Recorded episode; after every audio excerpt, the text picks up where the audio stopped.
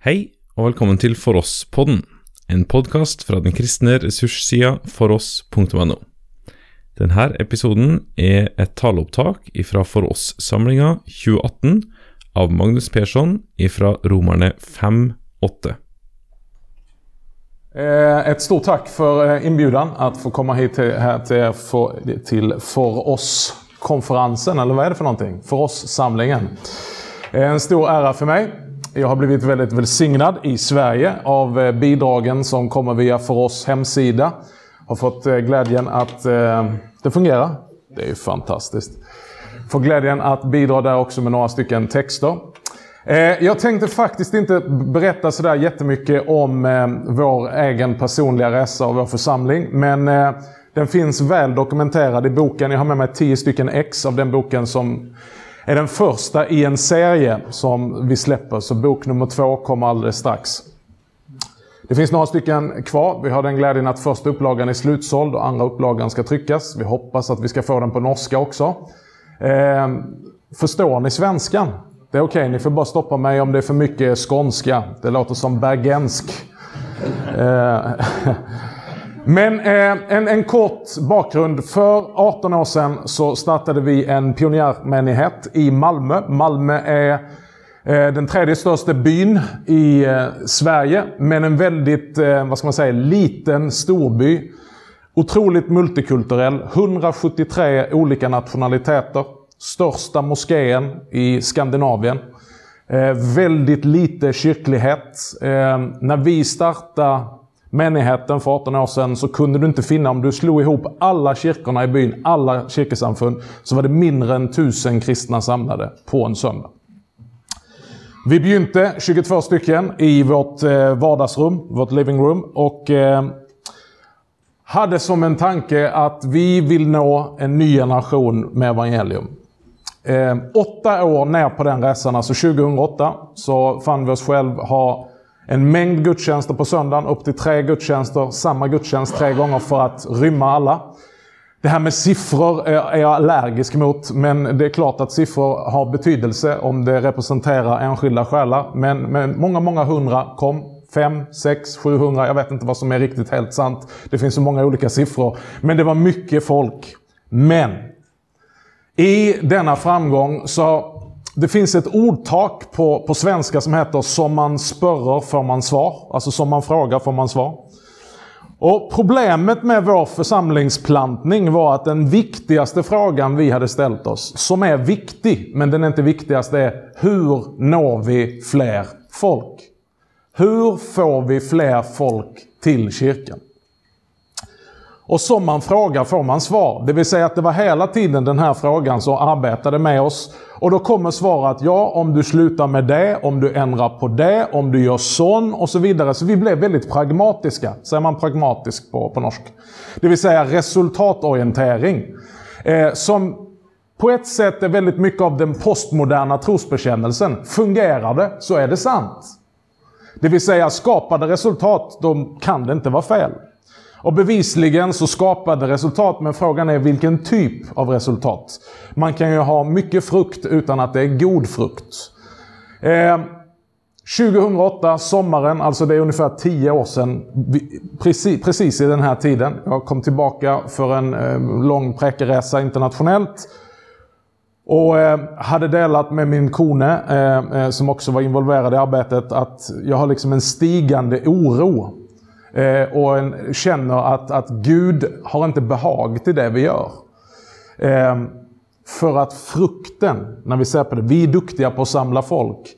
Men vi rotar inte människor i Kristus, utan vi har rotat dem i en social miljö, ett hippt ställe. United hade ryktet om att vara den liksom nya pop, hip, moderna menigheten som drog väldigt mycket unga vuxna.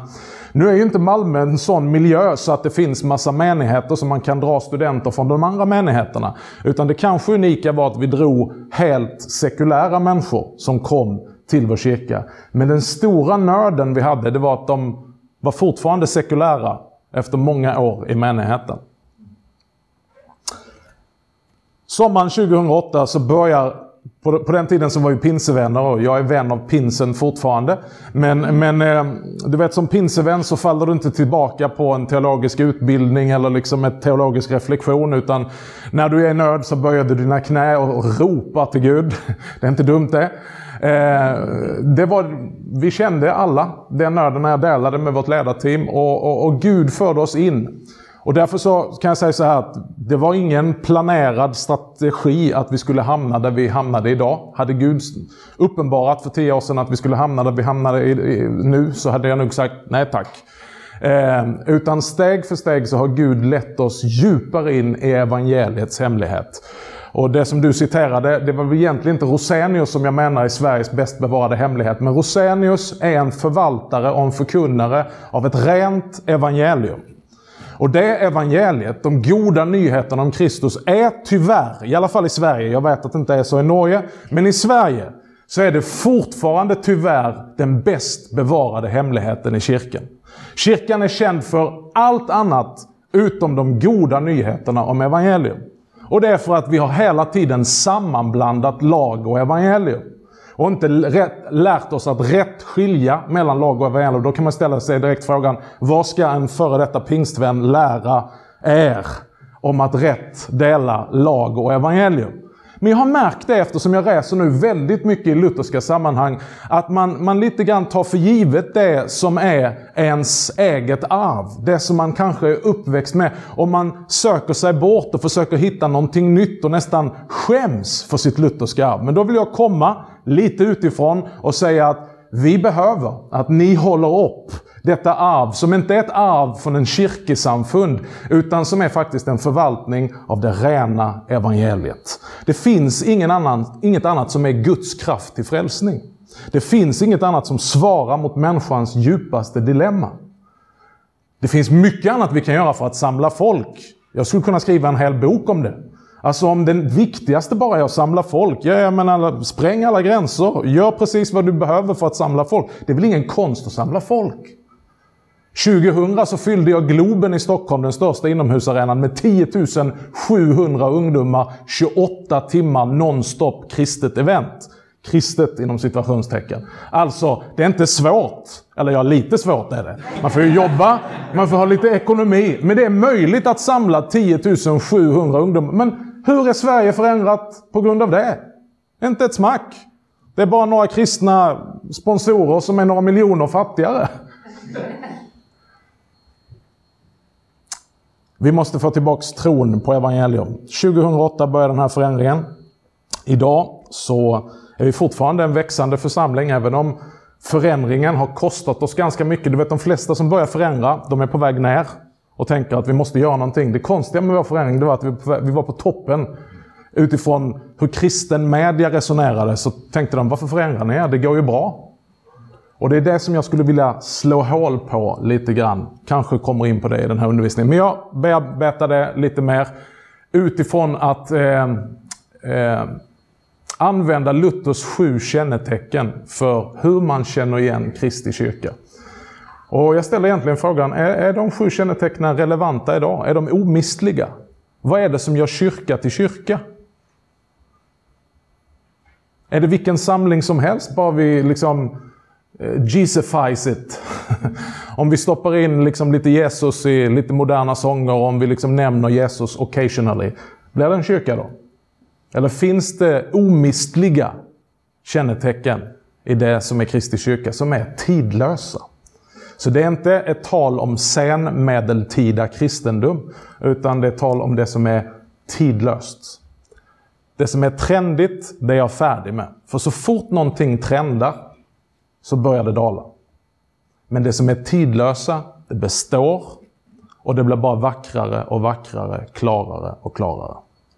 Så, eh, eh, nu ska vi se om vi får, för den här funkar. Eh, utifrån vår menighet så har vi också ett nätverk. Innan hette det United Global Network. Det var ett lite ödmjukt namn, United Global Network. Eh, men det är för att vi globalt har varit engagerade i menighetsplantning. Eh, eh många dussintals menigheter har vi varit med och planterat. Några stycken direkta dottermenigheter en här i Oslo nere på Grünerlöka. Eh, det är fria menigheter så vi är inget kyrkesamfund, det är ingen liksom, eh, biskopsstyrning utifrån Malmö. Utan det är helt fria menigheter från staten som vi har investerat i.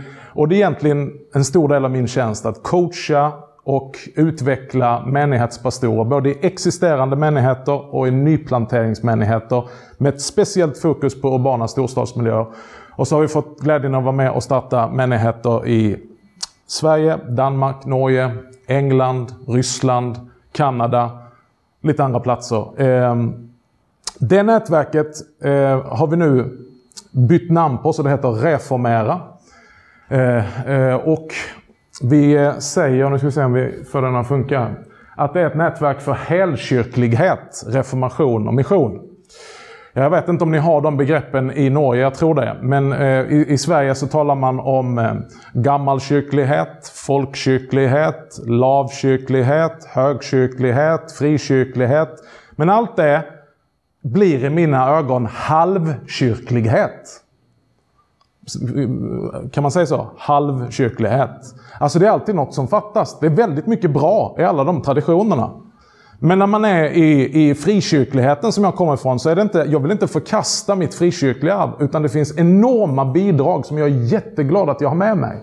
Men någonting saknas för helheten. Och det är bara tillsammans med alla de heliga som vi kan förstå längden och bredden, höjden och djupet i Kristi kärlek.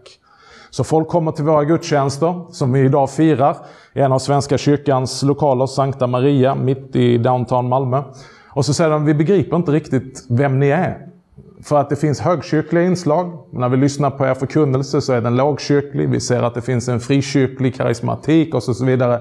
Vad är det? Och så sa jag på skoj, vi är inte halvkyrkliga, eller vi är inte lågkyrkliga, vi är inte högkyrkliga, inte frikyrkliga. Vi önskar vara helkyrkliga. Eh, det handlar inte om något eh, suspekt e-, ekumeniskt pussel, där vi liksom bara ska försöka skramla ihop någonting, utan mycket bevisst så vill vi ha fullheten av Kristus. Ehm, I början av den här resan så blev vi väldigt upptagna av skriften. Vi är väldigt upptagna av skriften fortfarande. Jag hoppas att min undervisning när jag så snart börjar ska avslöja det. Men eh, vi upplevde att vi gjorde vår kyrka till ett klassrum. Det var inte ett kyrkorum längre. Utan det blev liksom att det var som att kunskap är Guds kraft till frälsning. Det blev undervisning, undervisning, undervisning, undervisning. Och vi behandlade människor som de var liksom en huv, ett, ett huvud på en, på en stick. A head on a stick. Jag vet inte vad man säger på norska. Alltså, um, huvudet på skaft. Alltså att det bara var ett huvud. Men, men vi är mer än ett huvud. Så vi upplevde att vi, vi har ett behov av att Kristus kommer till oss. Genom ordet, men också genom bordet i en helhet och så fick vi göra en, upp, en ny upptäckt av liturgi som vi inte har i vår erfarenhet. Jag menar att alla kyrkor har en liturgi, jag har ett helt kapitel om min syn på liturgi. Men där jag tycker att vi har en, en, en fantastisk mix av eh, en frikyrklig spiritualitet i en kyrklig liturgi. Där vi blandar lovsång och tungotal med växelbön och nattvardsgång och så vidare. Och så vidare. Min kära broder Jakob här, landsbroder och broder i Herren, han har ju varit hos oss vid något tillfälle. Eh, han får bedöma om jag överdriver här eller så är det sant. Men i alla fall, tillsammans med Jakob så kommer vi att eh, ha en nätverkssamling i Göteborg med professor Robert Kolb. Det är egentligen församlingsfakulteten som har Robert Kolb på besök. Men några gånger om året så försöker vi samla ihop eh, pastorer, präster, församlingsbyggare, pionjärer och temat det är taget från en av eh, Robert Cobbs böcker. Boken heter egentligen The Genius of Lutheran Theology. Eh, men så heter underrubriken A Wittenberg Way of Thinking for the Contemporary Church. Eh, om du önskar ha en inbjudan till den här nätverkssamlingen som är alltså ett dygn i Göteborg den 7-8 november från lunch till lunch. Eh, så har vi ett begränsat antal platser men vi skulle jättegärna se att vi har norska bröder med oss på den samlingen. Låt oss be innan vi går in i skriften.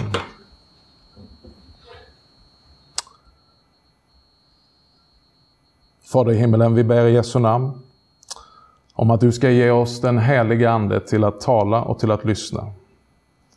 Att du ska öppna skrifterna för oss. Att Jesu namn ska bli stort och ärat. Och att ordet ska få bära rik frukt i oss. Gud, kom till vår räddning. Herre, skynda till vår hjälp. I Jesu namn. Amen. Låt oss läsa bibelsammanhanget som eh, bibelversen är tagen ifrån. Eh, ifrån Romarbrevet 1 till och med 11. När vi nu har förklarats rättfärdiga av tro har vi frid med Gud. Genom vår Herre Jesus Kristus. Genom honom har vi också tillträde till den nåd som vi nu står i. Och vi gläder oss i hoppet om Guds härlighet. Men inte bara det, utan vi gläder oss också mitt i våra lidanden. För vi vet att lidandet ger tålamod och tålamodet fasthet och fastheten hopp. Och hoppet sviker oss inte. För Guds kärlek är utgjuten i våra hjärtan genom den heliga Ande som han har gett oss. För när tiden var inne, medan vi ännu var maktlösa, dog Kristus i de ogudaktigas ställe. Knappast vill någon dö ens för en rättfärdig. Jo, kanske vågar någon dö för den som är god. Men Gud bevisar sin kärlek till oss genom att Kristus dog för oss, medan vi ännu var syndare.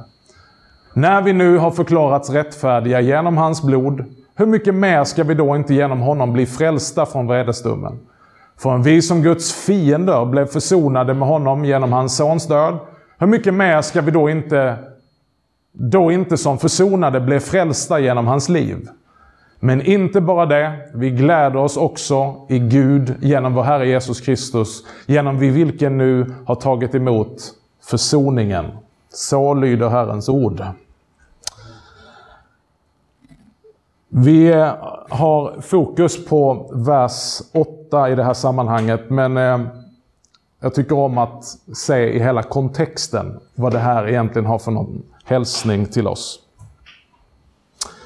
Jag är fostrad i en kristen tradition där man hade ett mycket större fokus på Kristus i oss. Eller Kristus genom oss. Än Kristus för oss. Det betyder att friden som vi sjöng om här, peace, och som vi inledde bibelstycket med. Friden, glädjen. Det byggde, i alla fall i praktiken, om kanske inte än i teorin, men i praktiken funktionellt, det byggde det på vad Kristus gjorde i oss. Alltså helgelse, förvandling.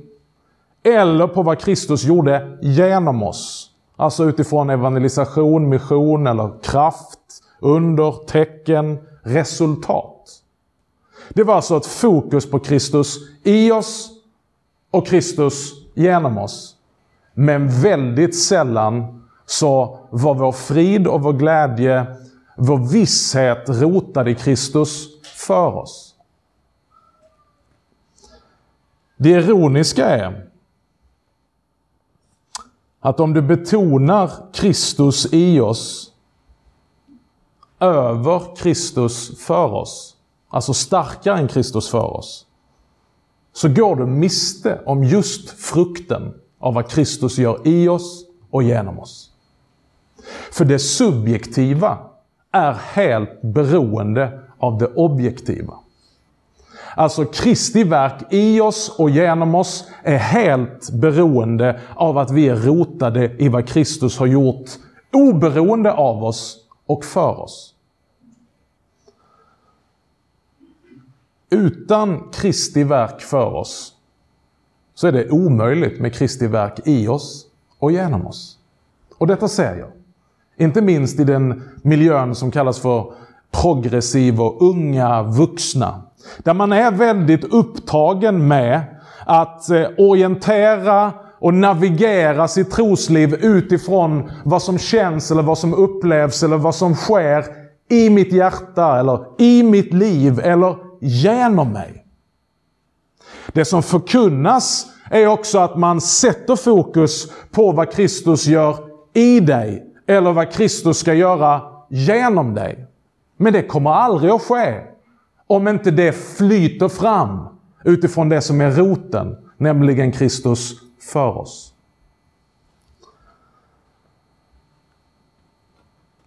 I första Korinthierbrevet så kan vi läsa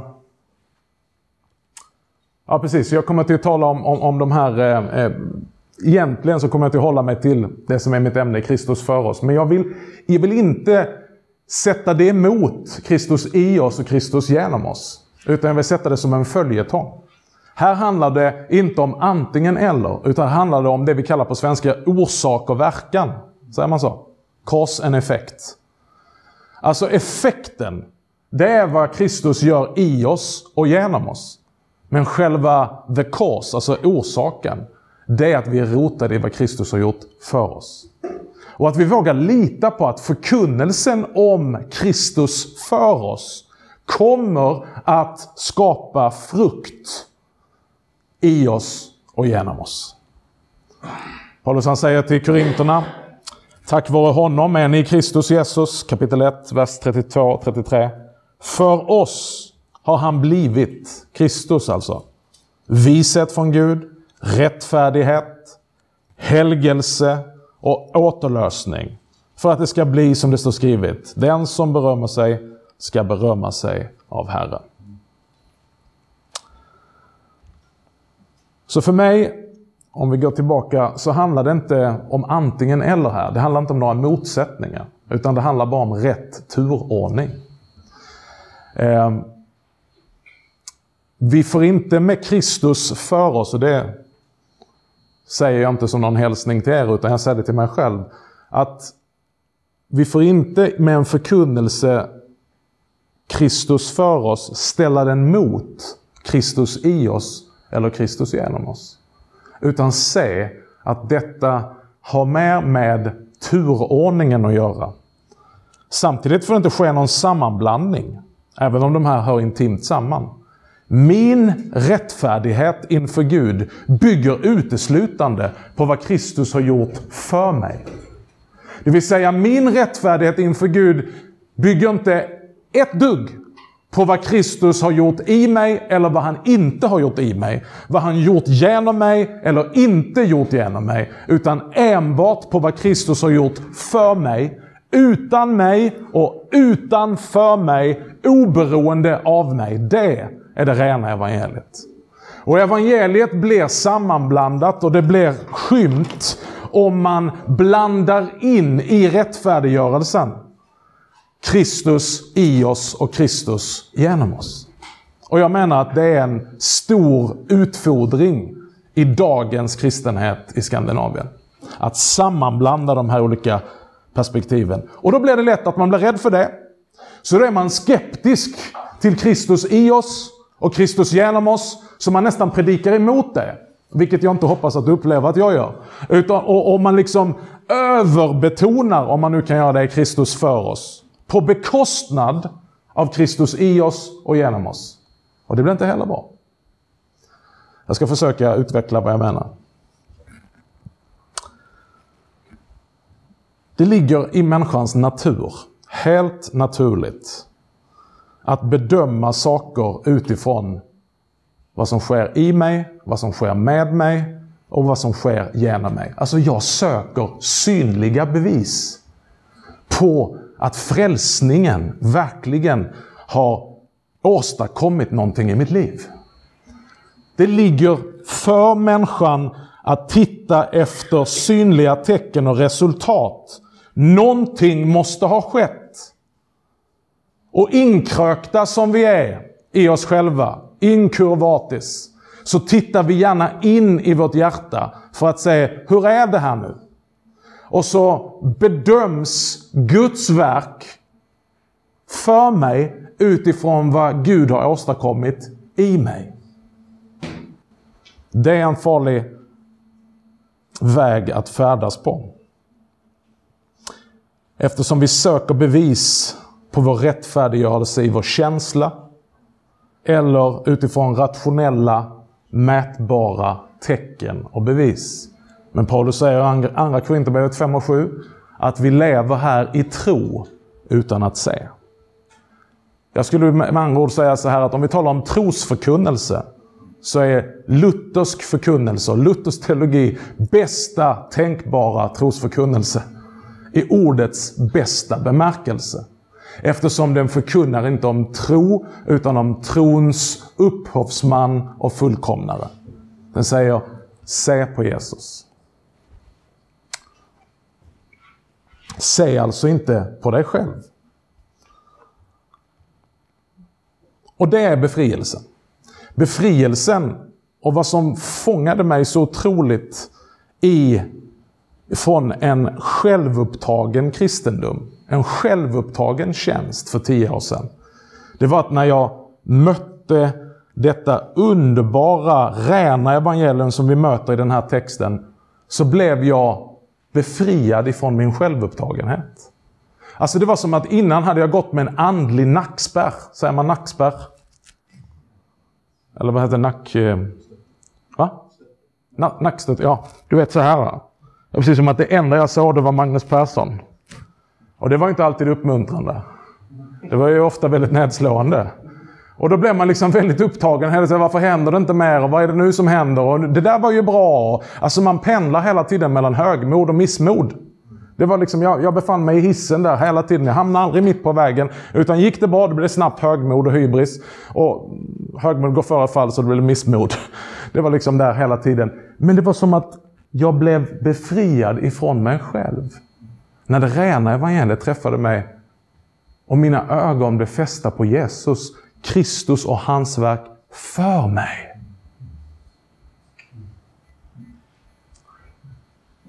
Ett bra sätt då, egentligen det mest liksom basic 101, alltså grundkurs i vad är en god teologi? Ja, den första frågan man kan ställa sig är, vem är det som blir stor? Vem är det som hamnar i fokus? Vem är det som får centrum? Vem är det som får pris och ära? Vem är det som förväntningarna faller på? Är det mig eller är det Kristus? Är det människan som blir stor? Är det människan som det talas om? Talar vi om hela tiden det som måste göras eller talar vi om det som har blivit gjort? Ett bra sätt att mäta om du har varit på en gudstjänst där evangeliet har rent förkunnats.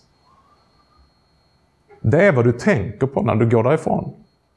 Är du upptagen av allt du ska göra för Gud? Eller är du salig över allt Gud har gjort för dig? Och det blir lite utmanande för oss förkunnare, eller hur? Men vad är det folk lämnar kyrkan med? Är man helt upptagen med att säga att nu ska jag göra detta för Gud, nu måste jag göra detta? Eller lämnar jag upptagen med att säga detta har Gud gjort för mig? Är det så enkelt? Eller finns det nyanser till det?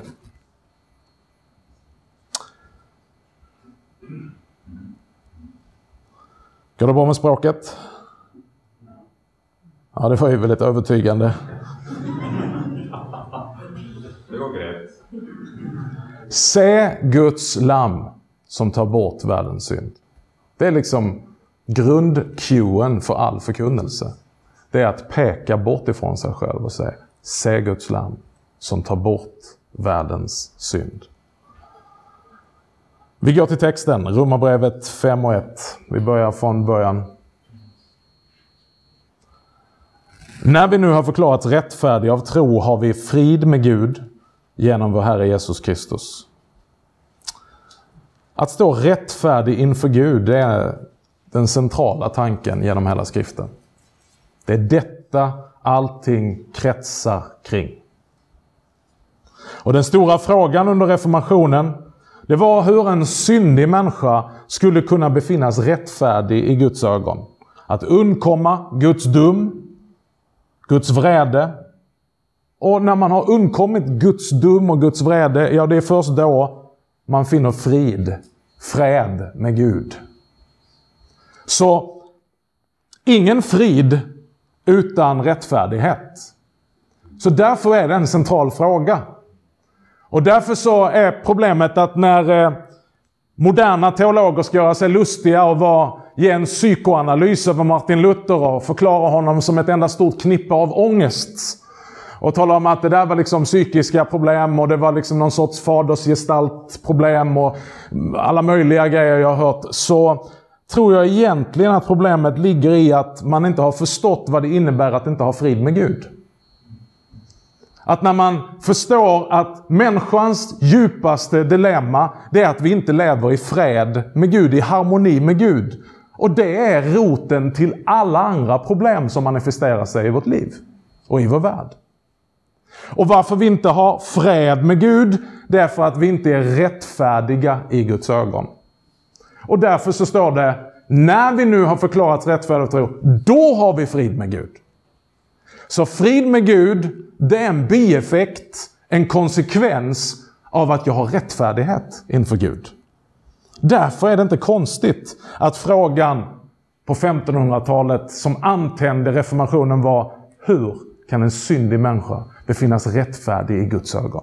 Hur är det möjligt? Om jag som i mig själv inte kan bli rättfärdig, hur ska jag kunna bli rättfärdig så att jag kan få frid med Gud? Det här har du säkert hört hundratals gånger, men du får glädja dig över min nyupptäckarglädje. Att jag har upptäckt det som ni har haft i 27 generationer. Problemet, kan vissa säga, det är att idag är inte den stora frågan i de stora folklagren, inte ens i kristenheten, hur kan jag finna rättfärdighet i Guds ögon? Utan det är, hur kan jag bli lycklig? Och så tycker man att det är ett jätteproblem. Men egentligen så skulle du kunna spara den frågan att om du bara gräver lite djupare i den frågan, om istället för att tycka att det är ett problem, ser det som en ingång för förkunnelse 2018 att ja, vad är det att vara lycklig? Vad kallar Bibeln lycklig? Ja, Bibeln använder inte ordet lycklig, den använder salig. Vem är det som är salig? Jo, det är den som har frid med Gud. Hur får man frid med Gud? Jo, man måste förklaras rättfärdig. Så vill du bli lycklig? Alltså, vi är fenomenala på att berätta att folk har fel istället för att gå in genom de öppna dörrarna. Ja, men det frågar inte Luther efter. Ah, Luther brydde sig inte om han var lycklig. Han ville bli rättfärdig. Ja, men du är ju dum i huvudet. Eller ursäkta, förlåt. Eh, det tar ju på svenskkontot. Men, men, men jag står för det, jag tycker det. Alltså, oh, när jag läser vissa kristna aviser, varför sparkar vi in öppna dörrar? Utan istället använd det som en ingång för evangeliet. Att folk ställer frågan fel betyder inte att du inte kan svara på den djupaste frågan. Ursäkta min burdusa svenska.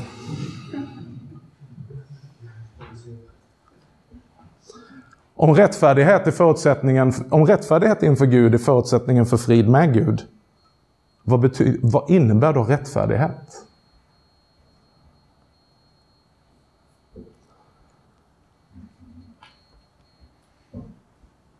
Många vill ju hävda att rättfärdighet är inte en relevant term idag. Många vill säga att ja, men rättfärdighet, ska vi, ska vi tala om rättfärdighet? Det är ju ingen som förstår vad rättfärdighet är. Nej, men min mamma visste inte vad cappuccino var heller för 20 år sedan. Men vi har lärt oss tala ett helt nytt språk över hela Skandinavien. Vi är så otroligt, eh, liksom lite så här med fingret i luften. Va? Vi är snofsiga kaffesnobbar. Så att nu kan du säga, min gamla mamma, 70 plus, gå in och säga, jag ska ha en kaffe macchiato. Dubbel shot. Och jag blir, liksom, jag blir rädd varje gång jag säger det. För det är liksom inte hennes språk. Men hon har lärt sig vad det betyder. Det är inte så att säga, nej, nej, nej, hon får dricka te, hon kommer aldrig fatta. Utan någon har ju lärt henne. Istället för att bara säga, åh nej, macchiato, macchiato, hon kommer aldrig att fatta det. Säg kaffe. Bryggkaffe. Och det är precis som att vi, det är ingen som säger, det är ingen som säger rättfärdighet idag. Ja, men vet du vad? Det är en dålig samtidsanalys. Du kan bara gå rakt in på din Spotify-lista eller bara sätt på radion så hör du sång efter sång efter sång i populärkulturen som handlar om Justify my love. Du kan bara liksom titta dig runt omkring så är vi faktiskt väldigt upptagna. Vi är fullständigt besatta av att rättfärdiggöra oss, våra vägval, våra livsval. Eller hur? Kanske du har suttit på jobbet, nu är ni pastorer, men, men eh, andra normala människor har suttit på jobbet den här veckan och så ska de sitta och dra liksom en budgetuppföljning på någonting. Som de har gjort, varit ansvariga för ett projekt. Och så sitter chefen och så säger men du, hur kan du, Hur kan du försvara den utgiften? Och så måste du rättfärdiga dig själv i chefens ögon. Att du valde en dyrare variant än en billigare som fanns. Och varför är det så viktigt för oss? Ja, vi ska titta lite grann på det. För, jag vet inte om det är så i Norge, men i Sverige är det så att det är en stor diskussion om att det är gammeldags term som inte berör vanliga människor och därför har vi svårt att knyta de här texterna till nutidens människor om rättfärdighet. Men sanningen är att vi försöker rätt, ständigt rättfärdiga oss själva. Vårt handlande, våra vägval, våra liv. För det är viktigt för oss. Jag skulle säga att det är alldeles existentiellt centralt. Att vara rätt, att passa in, att bli godkänd, att bli erkänd i enlighet med omgivningens och tidsandans normer. Vi söker bekräftelse från andra. Det är alltså inte nog med att bekräfta sig själv. Du och jag, vi behöver andras bekräftelse som ger mening och värde till våra liv. För att om ingen ger oss bekräftelse så finns det inte något större värde och mening på våra liv. Det betyder att vi skulle lika bra inte kunna finnas. Hänger du med? Och vill du få en stillstudie i det, så gå in på sociala medier. För där får du också, om du tittar på Twitter en helt vanlig dag, det kan vara vilken politisk diskussion som helst, så är det otroligt vad det är viktigt att framstå som rätt. Rättfärdig. Man måste försvara sina olika eh, eh, eh synpunkter gentemot någon annan som anklagar en för att vara alldeles för dömande eller alldeles för liberal och så vidare. Eller man söker efter att få likes och tummen upp på sina senaste semesterbilder. Vi är besatta av att bli erkända av någon. Den tyske lutherske teologen Oswald Bayer, han säger så här. Justification is a preoccupation, if not an obsession, for people today. We always feel the need to show that we are right. Så Oswald Bayer, han är helt på min linje. Vi ser det ganska snabbt. Och jag menar att det här är en anknytningspunkt för evangelium rakt in i den postmoderna generationen. Rakt in till millennials och yngre människor som sitter där och håller på med sociala medier och tycker att det här med evangelium det känns liksom långt borta. Men det träffar ju rakt in i vårt i, i, i någonting helt existentiellt och centralt i våra liv. I Norge så har ju det här liksom ordet skam förpestat hela världen. Och vi skulle kunna tala om det också. Och då säger Cecilia, ja men vi ska inte tala om skuld idag. Skuld och synd är så jobbigt. Men skam! Men du vet, skam hänger ihop med skuld. Skam är inte någon ny variant. Utan skam, det är att känna, jag är inte accepterad, jag är inte erkänd, jag är inte innesluten, utan jag är utesluten. Problemet är att idag har vi tagit till en filosofi att jag ska vara här ute och ni är tvingade att erkänna mig. Det kallas för tolerans. Så jag måste till vilket pris som helst bli innesluten. För det är inte bara så jag struntar väl i om inte jag är erkänd. Nej, för då hade inte ordet skam fått någon sån enorm genklang, eller hur? För jag kan inte känna skam om jag skiter i, eller... Eh, vad säger man? jag bryr mig inte om att jag inte är erkänd. Det är inte en grogrund för skam. Utan grogrunden för skam är att jag tänker, någonting är fel med mig. Och så tänker vi att lösningen med det är att ingenting får vara fel. För då får alla vara med. Allt är rätt. Men det biter inte på det som sitter här inne. Det rent existentiella.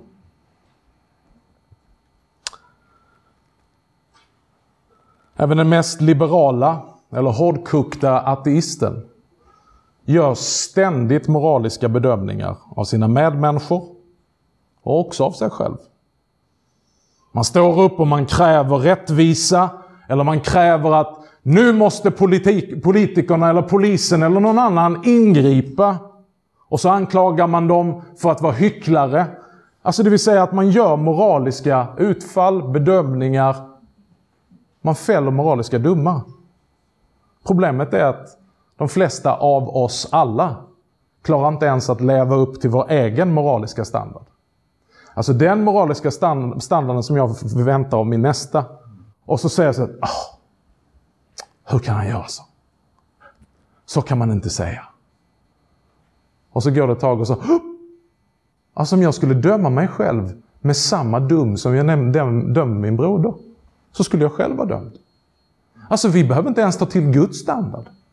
Vi behöver inte ta till Guds lag. Jag är dömd med min egen lag. Och det finns en, en, en, en ny generation av, vad ska man säga, ateistiska, jag vet inte vad man ska säga, ateistiska men socialliberala nymoralister. Som säger att du ska sopsortera. För det är den nya liksom, lagiskheten i Sverige. Det är det som avgör om du är innanför eller utanför. Det är om du liksom har, är miljömedveten. Eller hur? Och så har vi sett på många exempel, till exempel partiledaren för Miljöpartiet. Nu ska vi inte gå in och hänga ut henne, men jag tycker att det fångade lite grann. Man är ledare, man är inte bara liksom sopsortera, utan man är ledare för Miljöpartiet.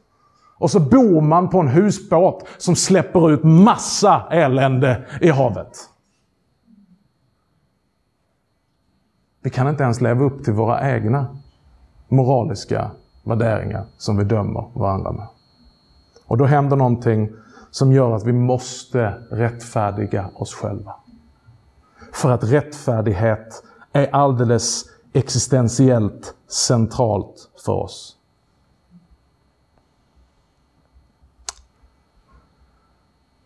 En annan grej är det postmöte. Orkar du en liten stund till? Jag är bara precis på inledningen. Ja, för, ursäkta, alltså, ni, ni har släppt in en pingstvän här nu. Du vet, vi kör plus moms hela tiden. Vi brukar säga, alltså, du ska aldrig tro på en pingstpastor han säger jag ska alldeles strax sluta. För vi är trinitariska, så att det är, först vi säger det tre gånger, då kan du börja tro på det.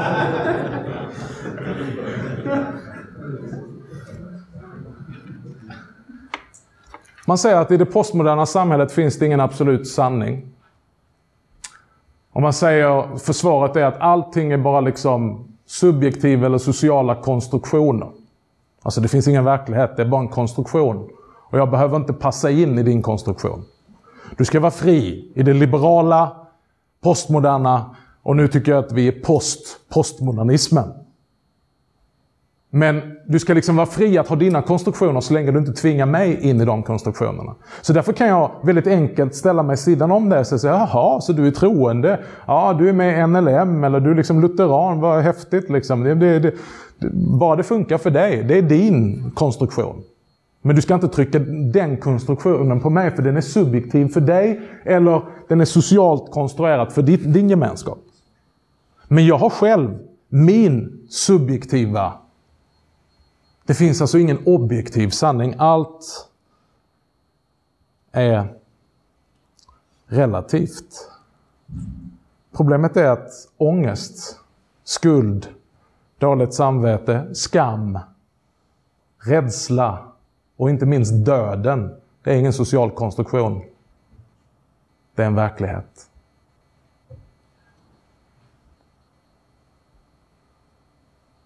Unga människors stigande suicida tendenser.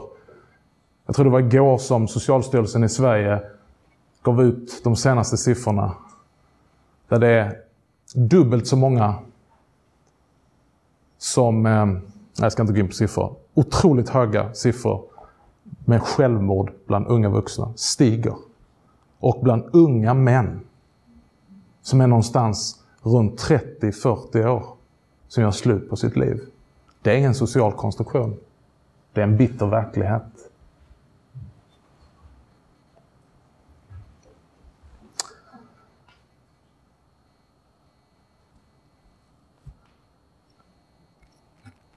Och om nu allting bara är sociala eller subjektiva konstruktioner som är någon annans, varför är det då så viktigt för oss att försvara oss när vi blir anklagade? Alltså även om du är en hyperpostmodern, sekulär, liberal ateist, så kommer du att försvara dig när din fru säger till dig Åh, vad självisk du är! Vad egoistisk du är! Så kommer inte du att säga Ja, det är din subjektiva upplevelse. Det räcker inte. Utan du känner dig nu anklagad. Du känner dig fördömd. Så att nu måste du rättfärdiga dig själv att bortförklara eller försvara ditt beteende som dömdes som själviskt. Och antingen kan du bara jämföra dig med din egen fru och säga, säger du. Du är ju också jättesjälvisk. Och så har du leveled the ground. Men du har ju gjort det för att du själv måste rättfärdigas. Om någon säger till dig att du är promisk promiskuös, eller om du är en lögnare,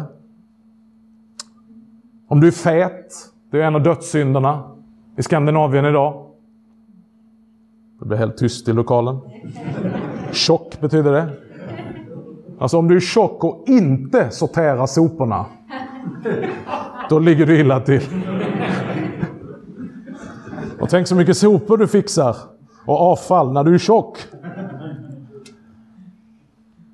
Nej, skämt åsido. Problemet är att hela vår tillvaro, min tillvaro, inte bara någon speciell syndares tillvaro, utan jag, Magnus Persson, som Simul Justus et Peccata. Hela min tillvaro, den är ständigt präglad av ett inre samtal med juridiska undertoner.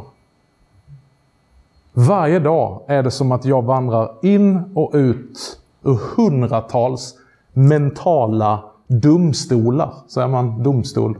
Rättssalar.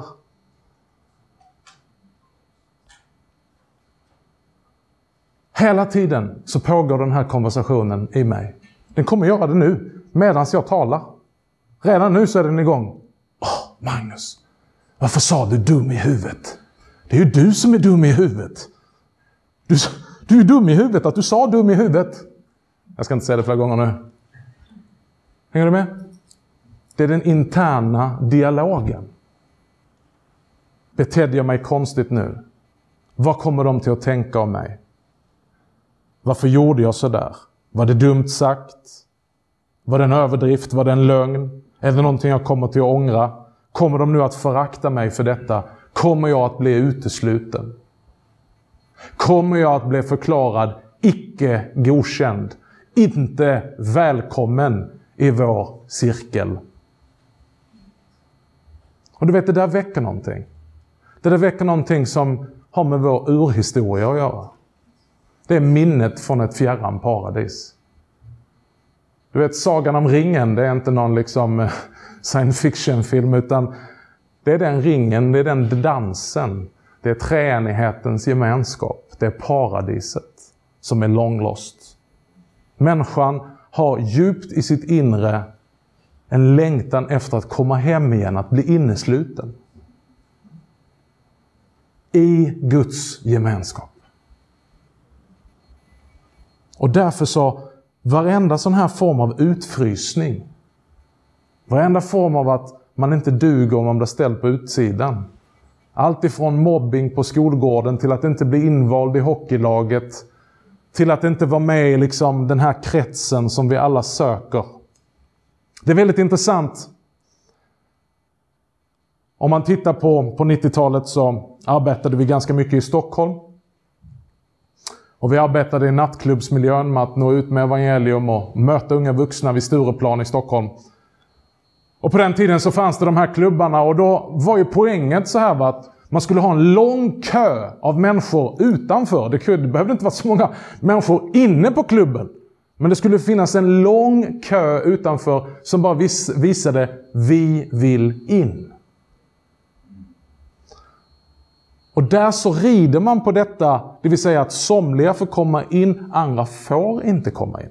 Och då kan man ju tänka sig att de flesta de skulle ju vara nöjda om man bara kom in. Men nej då, sen finns nästa nivå. När man väl har kommit in så finns det också ett VIP-rum.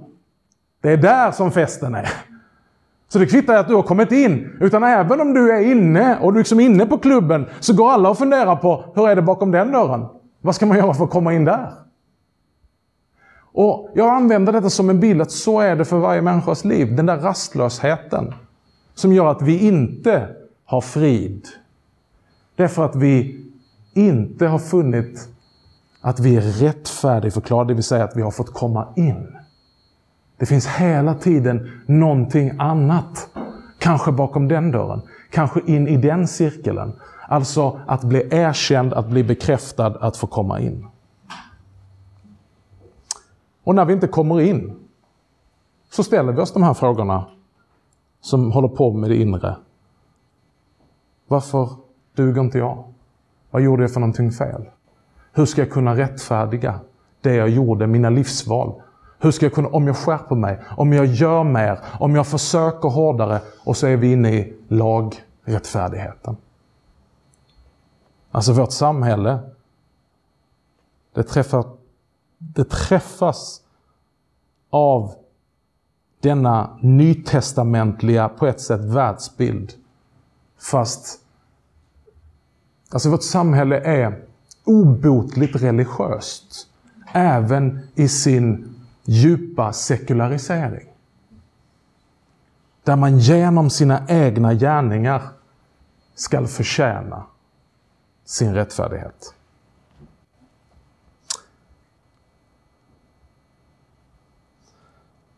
För rättfärdig är man alltid i förhållande till någon annan, alltså i en relation. När vi talar om rättfärdighet så talar vi inte bara om ett kallt juridiskt rättsrum, rättssal. Utan det finns en relationell botten i rättfärdighet. Rättfärdig är jag i förhållande till någon.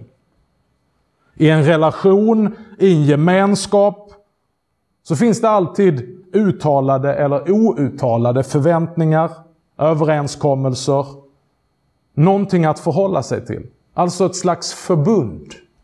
Okej? Okay? Pakt. Den nya pakt. Och då är det så här att om du beter dig så här, om du gör detta, om du inte gör det, då är du innesluten i denna pakten. Men om du misslyckats, då bryts pakten. Och då är det ju, det är inte bara juridiskt och liksom lagar och regler, utan det är också relationellt. Rättfärdighet har en relationell dimension. Det är inte nytt för någon av oss. Det gäller alla våra relationer. Relation mellan barn och förälder. Alltså många använder sina barn som de som ska justify me. Hela min existens. Så att jag kan peka på mina barn och säga ja men någonting måste jag ha gjort rätt. Ja, men jag är inte en helt dålig människa för titta här hur det gick för mina barn. De har ju ändå lyckats nu i skolavslutningstider, eller hur? Oj, vad många skolavslutningar. Så sitter mamman där och så tittar hon och så står den 14-åriga grabben framme. Alltså, det här har aldrig hänt mig. Jag bara hittar på det just nu. Så står pojken där framme i kyrkan och så tänker han, tänker mamman, vad har han på sig? Hur kom han ut ur hemmet i morse? Det är ju skolavslutning. Han ser ju ut som en hemlös. Han är smutsig. Det är skolavslutning. Och där står alla andra och de har sina fina vita byxor och de har sin fina blåa skjorta. Och han står med håliga jeans och en smutsig t-shirt. Och så kommer det. Vad ska alla de andra föräldrarna tänka om mig? Eller hur? Det är inte vad ska de tänka om han? Så nu vill jag liksom smyga ut ur skolavslutningen och liksom på något sätt bara inte kännas vid min son. Alltså det här har inte hänt mig, utan jag hittar på här nu. Det kan ju ha hänt någon. För att han är nu den som kommer till att ta bort min rättfärdighet i människors ögon. Alltså att jag är inte erkänd, jag är inte godkänd, jag är inte rätt som förälder.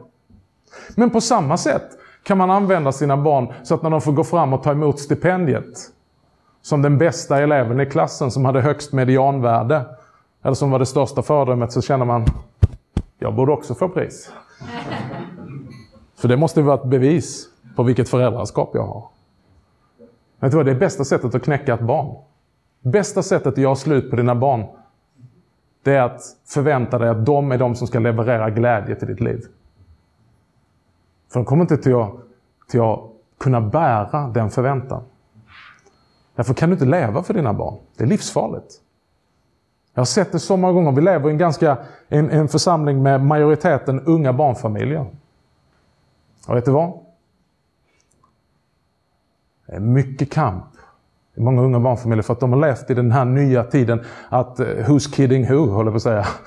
Att det är barnen som bestämmer allt. Man lägger ner hela sitt liv för att barnen ska bli lyckliga. Och man gör alltihopa och så växer barnen upp och så är de otacksamma och så gör de en besviken. Jag har satt hela mitt liv på paus i 16 år för att göra allt för dig.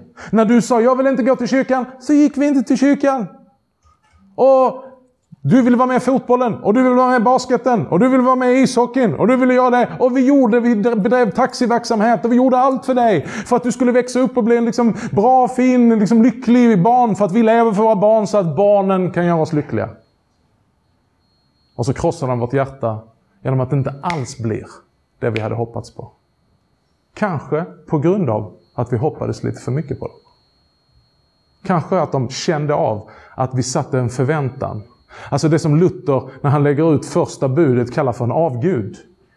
Vad är en avgud? Eller vad gör en gud? Den som du tar din tillflykt till. Den som du väntar allt gott ifrån och sätter ditt hopp till. Det kan vi inte göra till våra barn.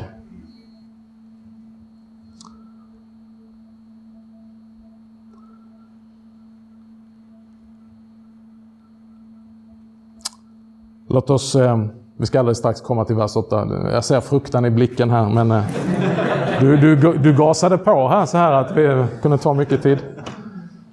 Jag brinner för det här. För att jag menar att evangeliet är kyrkans bäst bevarade hemlighet. Evangeliet är skräddarsytt rakt in till människans djupaste dilemma. Att svara på precis de här existentiella frågorna. Men det är en dårskap. För att vi förstår det inte by nature. Utan det måste uppenbaras. Genom predikan kommer denna rättfärdighet till oss. För oss. Alltså, att predika, det skiljer sig inte mycket från att i nattvarden varje söndag stå och säga Kristi kropp för dig utgiven. Så är också predikan på samma sätt Kristus för dig att räcka människor evangelium rakt in. Men för att människor ska kunna uppfatta och få det här erkännandet som är, menar jag, djupt existentiellt. Att vara rättfärdig.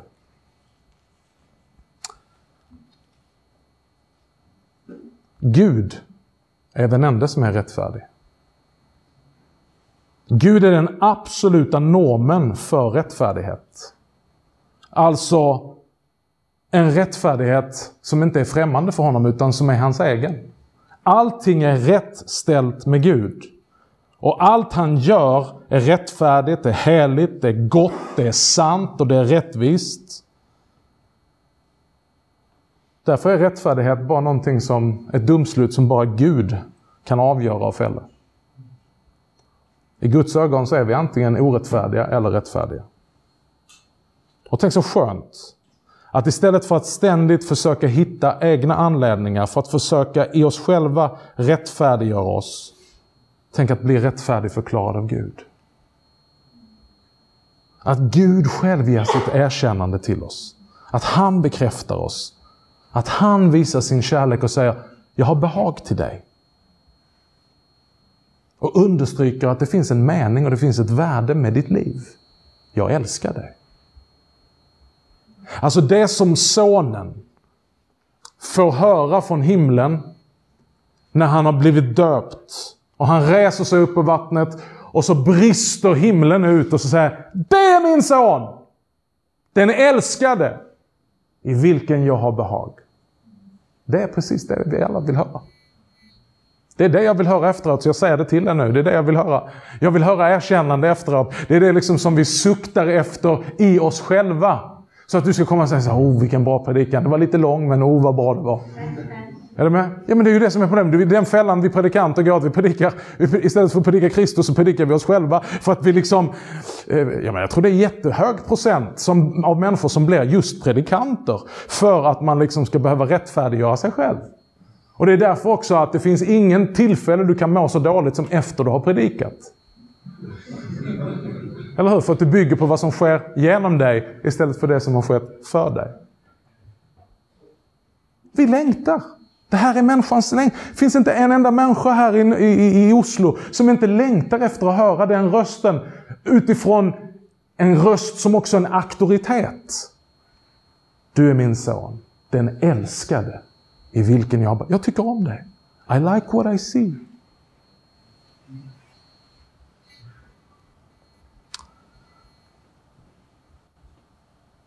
Men... Eh,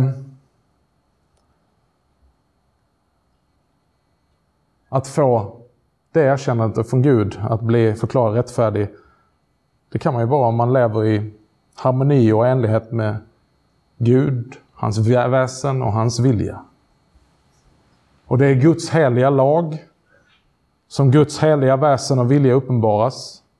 Men det leder ju knappast till rättfärdighet, utan tvärtom. Om det inte var dåligt innan, så när vi möter Guds lag så blir det ännu värre. Du känner väl till Romarbrevet 3. Ingen människa förklaras rättfärdig inför honom genom laggärningen. Vad som ges genom lagen är insikt om synd. Och nu kommer vi närma liksom vår, vårt crescendo här ikväll. Att innan vi kan tala om vad Kristus har gjort för oss, så måste vi tala på ett sätt så att det framgår vilken typ av människor vi är och vilken typ av behov vi har. Alltså när vissa människor säger att skilja rätt mellan lag och evangelium så låter det som att vi inte ska ta, tala om lagen utan bara tala om evangeliet. Men det finns ingen marknad för evangelium, om man får lov att uttrycka det så. Om vi inte vågar tala lag. Alltså det evangeliska handlar inte om att vi, ja, men vi har slutat, lagen är så negativt och människor behöver inte bli mer dömda och människor behöver inte ha, behöva mer skuld. Jo, de behöver bli medvetna om sitt eländiga tillstånd. Så ibland så är det bra med gudstjänster som man går på, det blir bara värre och värre. Visst är det en positiv förkunnelse det här? Låt oss titta på sammanhanget som vi har läst ikväll. Romarbrevet 5, vers 6-11. Här är det fyra stycken karaktäriserar, eh, som karaktäriserar, fyra ord som karaktäriserar vilken typ av människor det är som Gud har visat sin kärlek till. Vem är det Gud har visat sin kärlek till? Bevisat sin kärlek genom att han lät Kristus dö för oss. Jo, det är de maktlösa, medan vi ännu var maktlösa. Dog Kristus i de ogudaktiga ställe. Kristus dog för oss medan vi ännu var syndare. Vi som Guds fiender blev försonade med honom. Fyra stycken mindre smickrande epitet. Och det är det som så här att, ja men vad är en relevant förkunnelse? Hur ska vi liksom möta nutiden? Hur ska vi få se en väckelse? Ja, för det första så måste vi hjälpa människor att förstå vem de är. Och sätta ord på detta. Så här säger Luther i förordet till Romarbrevet. En evangeliets predikare bör i första rummet bestraffa och göra till synd allt i livet, som inte sker i kraft av anden och tron på Kristus. Genom att ställa lagen och synderna i ljuset. Det ska ske för att människorna ska bringas att känna sig själva och sitt elände, så att de blir ödmjuka och begär hjälp.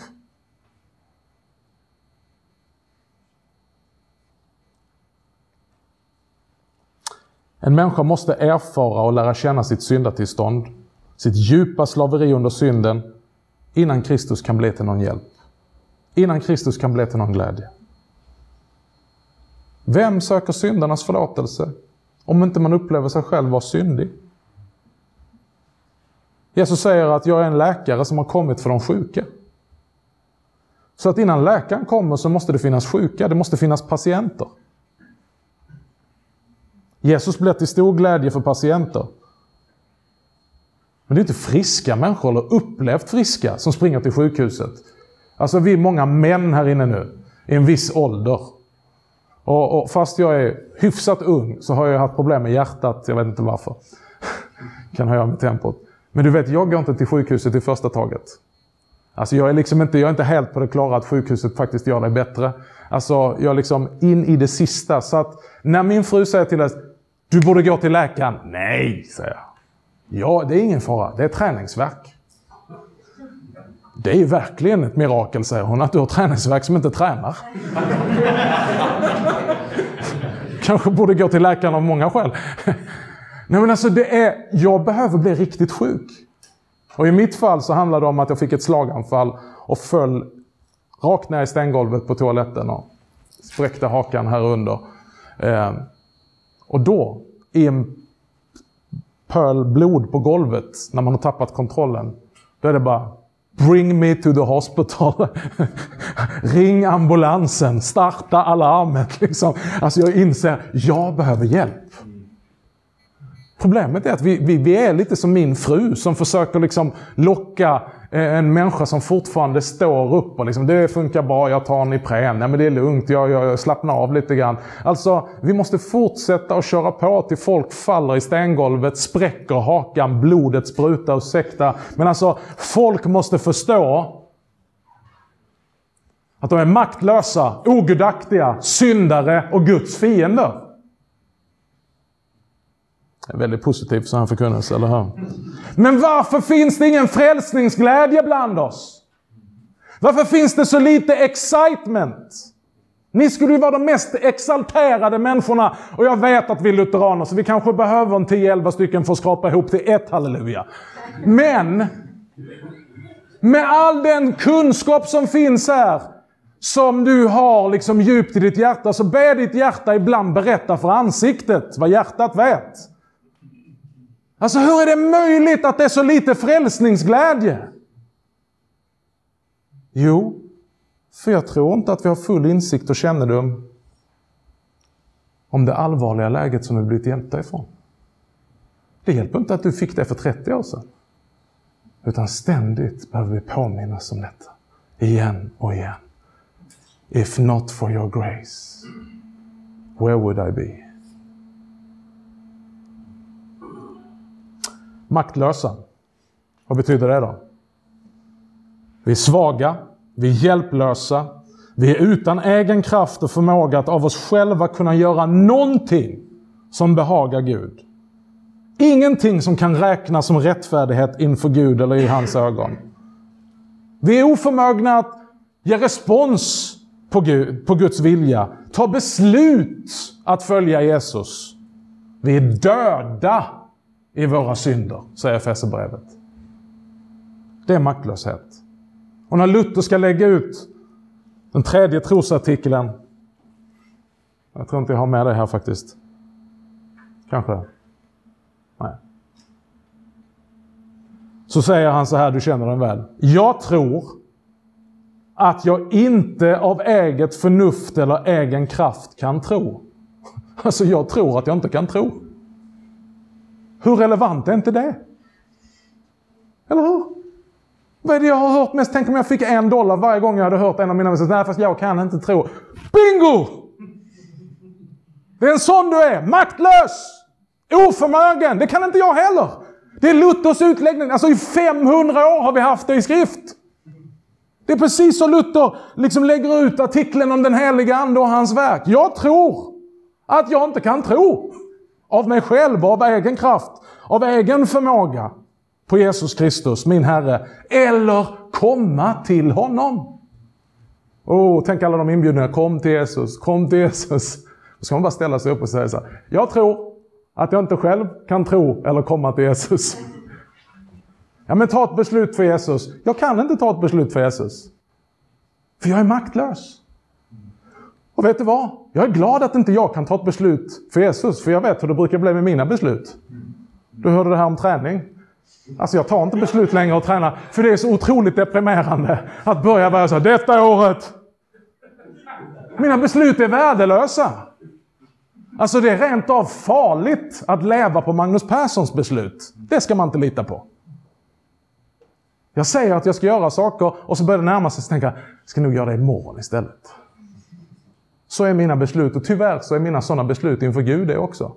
Oj, vad jag har beslutat att jag ska be och jag ska läsa och jag ska göra det och jag ska inte göra det. Hur har det gått med de besluten? Åt helvete! Min frälsning bygger inte på mina beslut utan på hans beslut. Och därför så skryter jag inte över min kärlek till Gud. Men jag skryter över hans kärlek till mig. För den har han bevisat genom att Kristus har dött för mig. Genom att Kristus har tagit ett beslut för mig innan jag tog ett beslut för honom. Genom att Kristus har sökt mig långt innan jag sökte honom.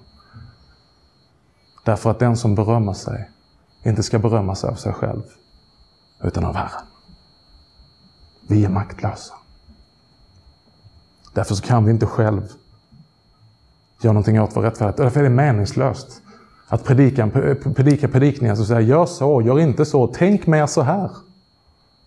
Visst är det underbart när du sitter och berättar om dina problem och så säger så ah, ja men liksom, eller vi, vi tar det så här istället. Har du varit med om att dina barn så säger så, jag är mörkrädd. Pröva sig så här, var inte det. Brukar det funka eller? Ja, men jag tänker att det är ett spöke under sängen. Tänk inte så. Men det är ju det, det, är det som är problemet, att jag tänker så. Eller hur? Ja, men tänk inte på det. Det är ungefär som jag skulle säga så här. Tänk inte på gula bananer. Du vet sådana här gula böjda. Tänk inte på det. Alla här inne tänker på gula bananer nu. Eller hur? Du ser det är liksom stora bananer, kanske är du lite hungrig också. Alltså den förkunnelsen kommer bara att ta fram just vår maktlöshet. Och det har sin plats. Men det har inte en hjälp i det. Okej. Okay. Ogudaktiga. Människor är gudlösa. Lever som att Gud inte fanns. Har gjort sig egna gudar jämte honom. I Romarbrevet 1 så utlägger Paulus detta, så det är detta han anknyter till. Trots att de kände till Gud prisade de honom inte som Gud eller tackade honom, utan de förblindades av sina falska föreställningar så att mörkret sänkte sig över deras oförståndiga hjärtan. De bytte ut den odödliga Gudens härlighet mot bilder av dödliga människor. Det är VM nu, eller hur? Nej, förlåt, ni är norrmän. Alltså fotbolls-VM. Vi andra är... Jag är bästa vän, eller hur? ja, exakt. De bytte ut Guds sanning mot lögnen och dyrkade och tjänade det skapade istället för skaparen. Gudlösheten präglar mer och mer vår tid idag. Att vända sig bort ifrån den sanne, ifrån skaparen. Men religiositeten har inte slutat. Och kanske något av det mest relevanta som du kan läsa idag det är Luthers utläggning i den stora katekesen om det första budet. Sitt ner, få, gör det så bra som Tim Keller från Redeemer i, i New York. När han liksom lägger ut detta med många hänvisningar till just Luthers utläggning av det första budet. Att hur människor är helt beroende av att ha en Gud, litet g. Och hur man liksom tjänar någonting, lägger ner sitt liv för någonting i förhoppning att det ska ge den avkastningen som man söker. Men ni vet vad Saltan säger om avgudarna? Att de har ögon men de ser inte. De har öron men de hör inte. De har mun men de talar inte. De lovar men de kan inte leverera. Och de som tillber dem blir precis som dem. Syndare. Vi är maktlösa, vi är gudlösa, vi är syndare. Syndare betyder att vi är lagbrytare. Vi överträder Guds bud. Paulus han lägger ut detta också i Romarbrevet 1. De gjorde sådant som inte får göras. De har blivit fyllda av alla slags, all slags orättfärdighet, ondska, girighet och elakhet. De är fulla av avund, mordlust, stridslystnad, svek och illvilja. De skvallrar och förtalar, de skrävlar och skryter. De är påhittiga i det onda, olyckliga, olydiga mot sina föräldrar, vettlösa, trolösa, kärlekslösa och hjärtlösa. Jag läste upp det här en gång i kyrkan och så var ropade BINGO! Hemskt. Men han var ärlig.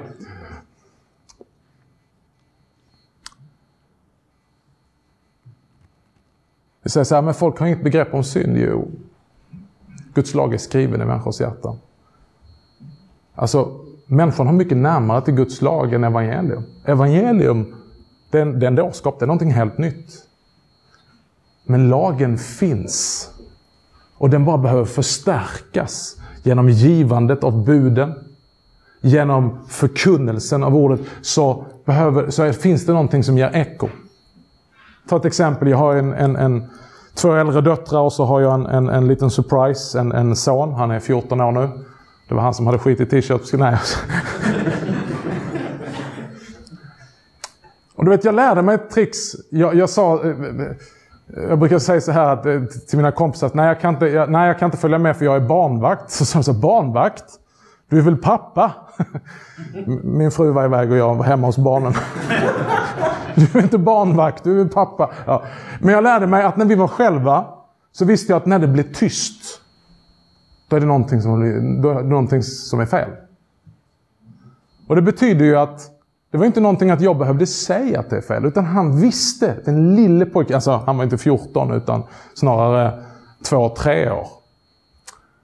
Eh, kanske fyra. Och så var han på sitt rum på andra våningen.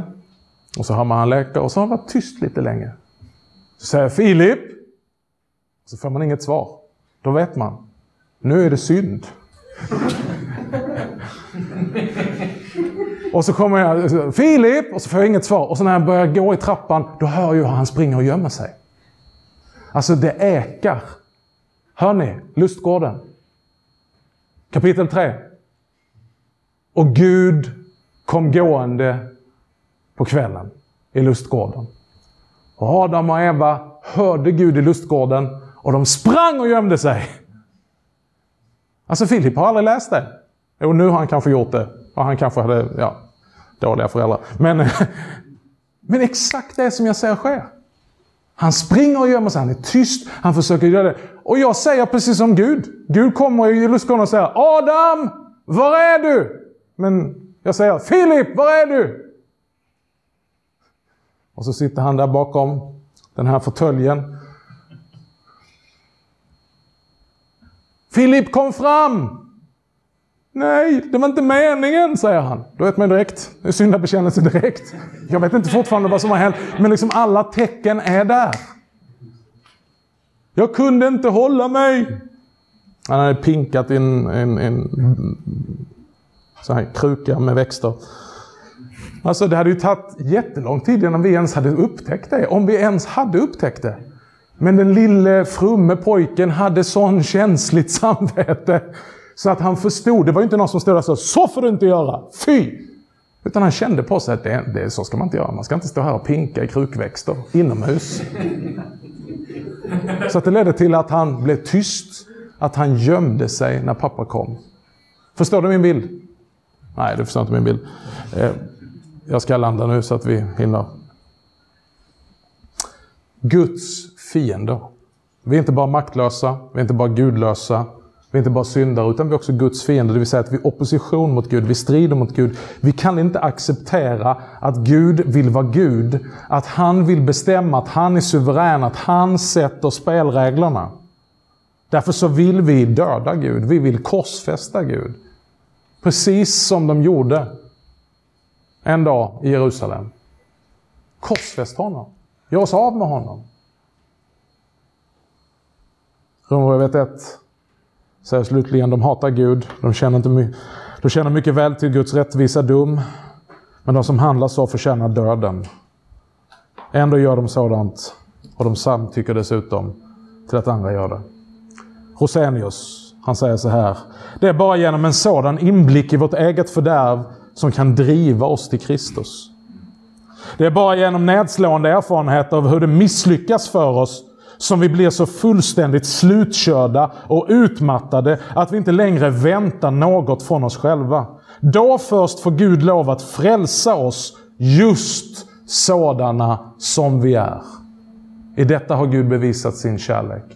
Att, han, att Kristus dog för oss medan vi fortfarande var maktlösa, gudlösa, syndare och Guds fiender.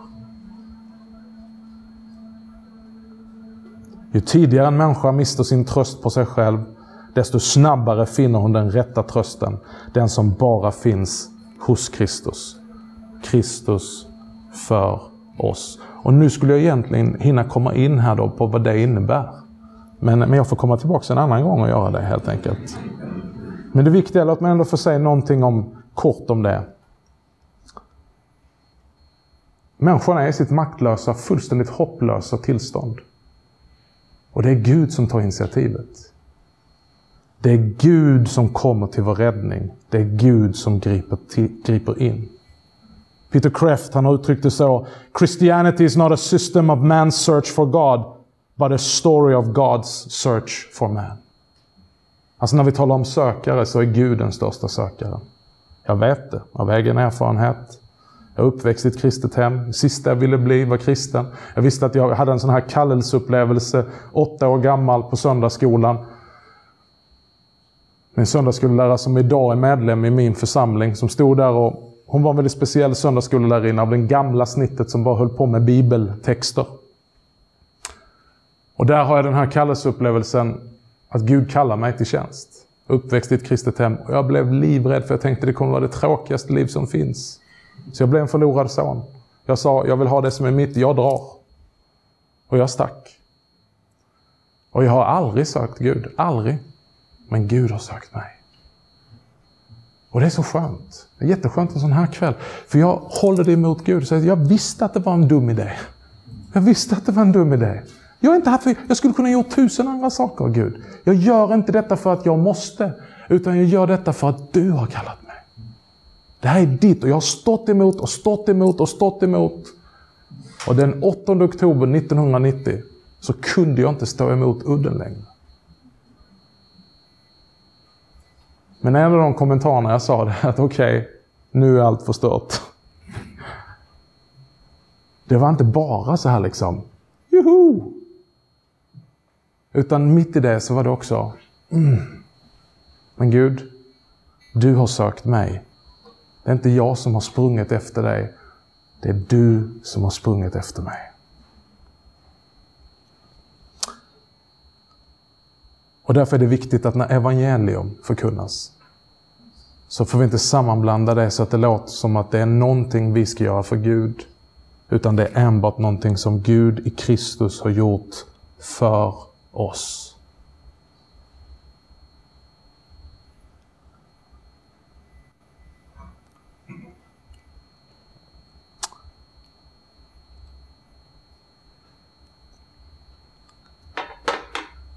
Här kommer ju evangeliets strålande ljus i sin allra största härlighet. När vi förstår att vi är maktlösa att försöka skapa oss vår egen rättfärdighet. Vi är gudlösa, vi är syndare, vi är till och med Guds fiender. Vad gör Gud med sådana människor? Hur ser Gud på sådana människor? Väntar han till de har blivit bättre? Väntar han till de har liksom fått söka skärpa sig? Nej, medan vi ännu var syndare. Då tillräknar han oss en rättfärdighet som är extra nos. Alltså, den är utanför oss själva. Den är oberoende, den är aliena, alltså den är främmande för oss själva. Det är Kristi rättfärdighet. Så därför säger han i Romarbrevet 4 i kapitlen innan att de som inte har egna meriter och gärningar att peka på, utan de som tror honom som förklarar den ogudaktige, gudlöse, syndaren, den maktlöse, Guds fiende, rättfärdig genom tro. Wow! Det är de människorna som har frid med Gud. För vi har nu blivit förklarade rättfärdiga av nåd alena, genom tron alena, på det verket som Kristus har gjort för oss alena. Det betyder att min rättfärdighet, den är utanför mig själv. Den kan aldrig hotas. Den kan aldrig förändras, den kan aldrig påverkas. Det är fullbordat. The case is closed.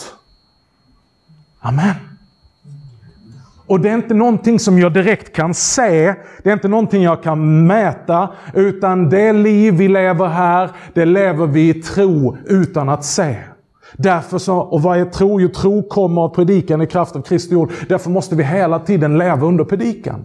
Att detta får återigen, återigen predikas så att när vi i anfäktelsens stund, när vi upptäcker att vi fortfarande är maktlösa, när vi upptäcker att vi fortfarande är synder, syndare, när vi upptäcker att vi lever ett gudlöst liv, så förstår vi att det påverkar inte vår rättfärdighet. Utan den rättfärdigheten bygger på vad Kristus har gjort för oss. Men det som var viktigt för mig att säga, det är också att det finns inget motstånd i det med att Kristus också fortsätter verket i oss. Men grunden för Kristi verk i oss och genom oss, det är att vi är rotade i detta verk för oss. Du kan skapa quick fixes. Så låt mig nu verkligen sluta. Nu är det tre gånger jag har sagt det, så att nu, nu är det fullkomliga talet här. Man kan få kortsiktigt snabba resultat genom att predika lag. Och då menar jag inte lag och evangelium, utan en lagisk förkunnelse. Vi måste göra mer det här. Vi måste nå ut. Vi måste leva mer helgat. Du måste ta tag i ditt liv. Du behöver be. Allt det där är ju rätt, men det blir fel. Initialt så skapar det snabba resultat, men kortsiktigt. Vår utmaning idag, och utmaningen jag vill skicka med dig, det är att tro att evangeliet är Guds kraft till frälsning. Tro att evangeliet är faktiskt förmår att producera god frukt. Att rota människor i Kristi verk för oss. Så ska du se att ingången i dagens text, Romarbrevet 5 och 1. Då vi nu har förklarats rättfärdiga genom tro, har vi frid med Gud. Och så fortsätter det på massa saker som sker nu i oss. Av fasthet, att vi lever i hoppet och att vi håller ut i lidandet och så vidare. Varför det? Jo, för att Gud har utöst, ingjutit den helige Ande, sin kärlek genom sin Ande i våra hjärtan. Amen. Så det är inte bara något så här juridiskt schema vi instoppade i att livet är förfärligt och det har inte hänt någonting men han har gjort det för mig, halleluja, halleluja. Alltså, det är den sämsta versionen av det som kallas för luthersk kristendom. Det är, det är inte ett sjukhus, det är ett bårhus. Säger man så på norska? Det är sant, det borde inte få lov att bära det namnet. För Luther säger att evangeliet förkunnas, där blir hjärtat glatt och ansiktet ljust. Det händer någonting. I'm alive. Och låt oss avsluta med det.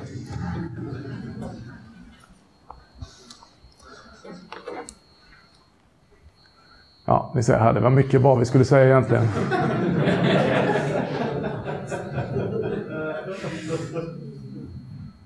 Ja, vi tar det härifrån. Det här är från eh, Luthers företal till Romarbrevet. Vi, vi tar det härifrån. Han talar om det här att folk vill liksom pressa fram. Jag vill ju säga en förändring. Jag vill säga en förvandling. Det måste ju hända någonting. När de säger att livet inte blir bättre och att inga goda gärningar följer med tron. Fastän de kan både höra och tala mycket om tron så förleds de till den villfarelsen att tron inte är tillräcklig. Man måste dessutom göra goda gärningar om man vill bli rättfärdig och salig. De gör sig, gör sig av egna krafter en tanke i hjärtat därför att den inte heller någon frukt och har ingen bättring med sig. De vet varken vad tro eller goda gärningar gärningarna är, men pratar och orerar en massa om tron och de goda gärningarna. Men tron är ett gudsverk i oss. Vilket förvandlar oss och föder oss på nytt av Gud och dödar den gamla Adam och gör oss till helt andra människor i hjärta, håg, sinne och alla krafter och för den heliga Ande med sig. Jag tror ni är ett levande, ivrigt, verksamt, mäktigt ting. Så att det är omöjligt att den inte oavlåtligt skulle verka vad som är gott. Den frågar inte heller om man ska göra goda gärningar, utan innan man frågar har de gjort dem och är alltid sysselsatt med det. Tron är en levande och dristig förtröstan på Guds nåd. Så viss att man tusen gånger kunde dö för den. Alltså det blir bra missionärer tavla här. Och en sådan förtröstan på visshet om Guds nåd gör människan glad, frimodig och oförskräckt inför Gud och allt skapat. Detta är den heliga Andes verk i tron. Så blir människan villig att gärna, utan något tvång, göra vad människan, göra vad människa gott, tjäna alla och lida vad det än må vara. Gud till behag och ära, som visat henne en sådan nåd. Det är alltså omöjligt att skilja tro och gärningar åt. Ja, lika omöjligt som att skilja värme och ljus från elden. En sådan rättfärdighet kan vår natur, vår fria vilja, våra egna krafter inte åstadkomma. Evangeliet om Kristi verk för oss är mäktigt om vi vågar tro det, att utföra ett verk i oss och genom oss. Här och till jordens yttersta gräns. Tack för att ni tåligt har stått ut med min skånska i över en timme. Gud välsigne. Amen. Du har nå hørt et taleopptak ifra For oss-samlinga 2018 av Magnus Persson. Finn flere ressurser, og vær gjerne med å støtte oss på foross.no.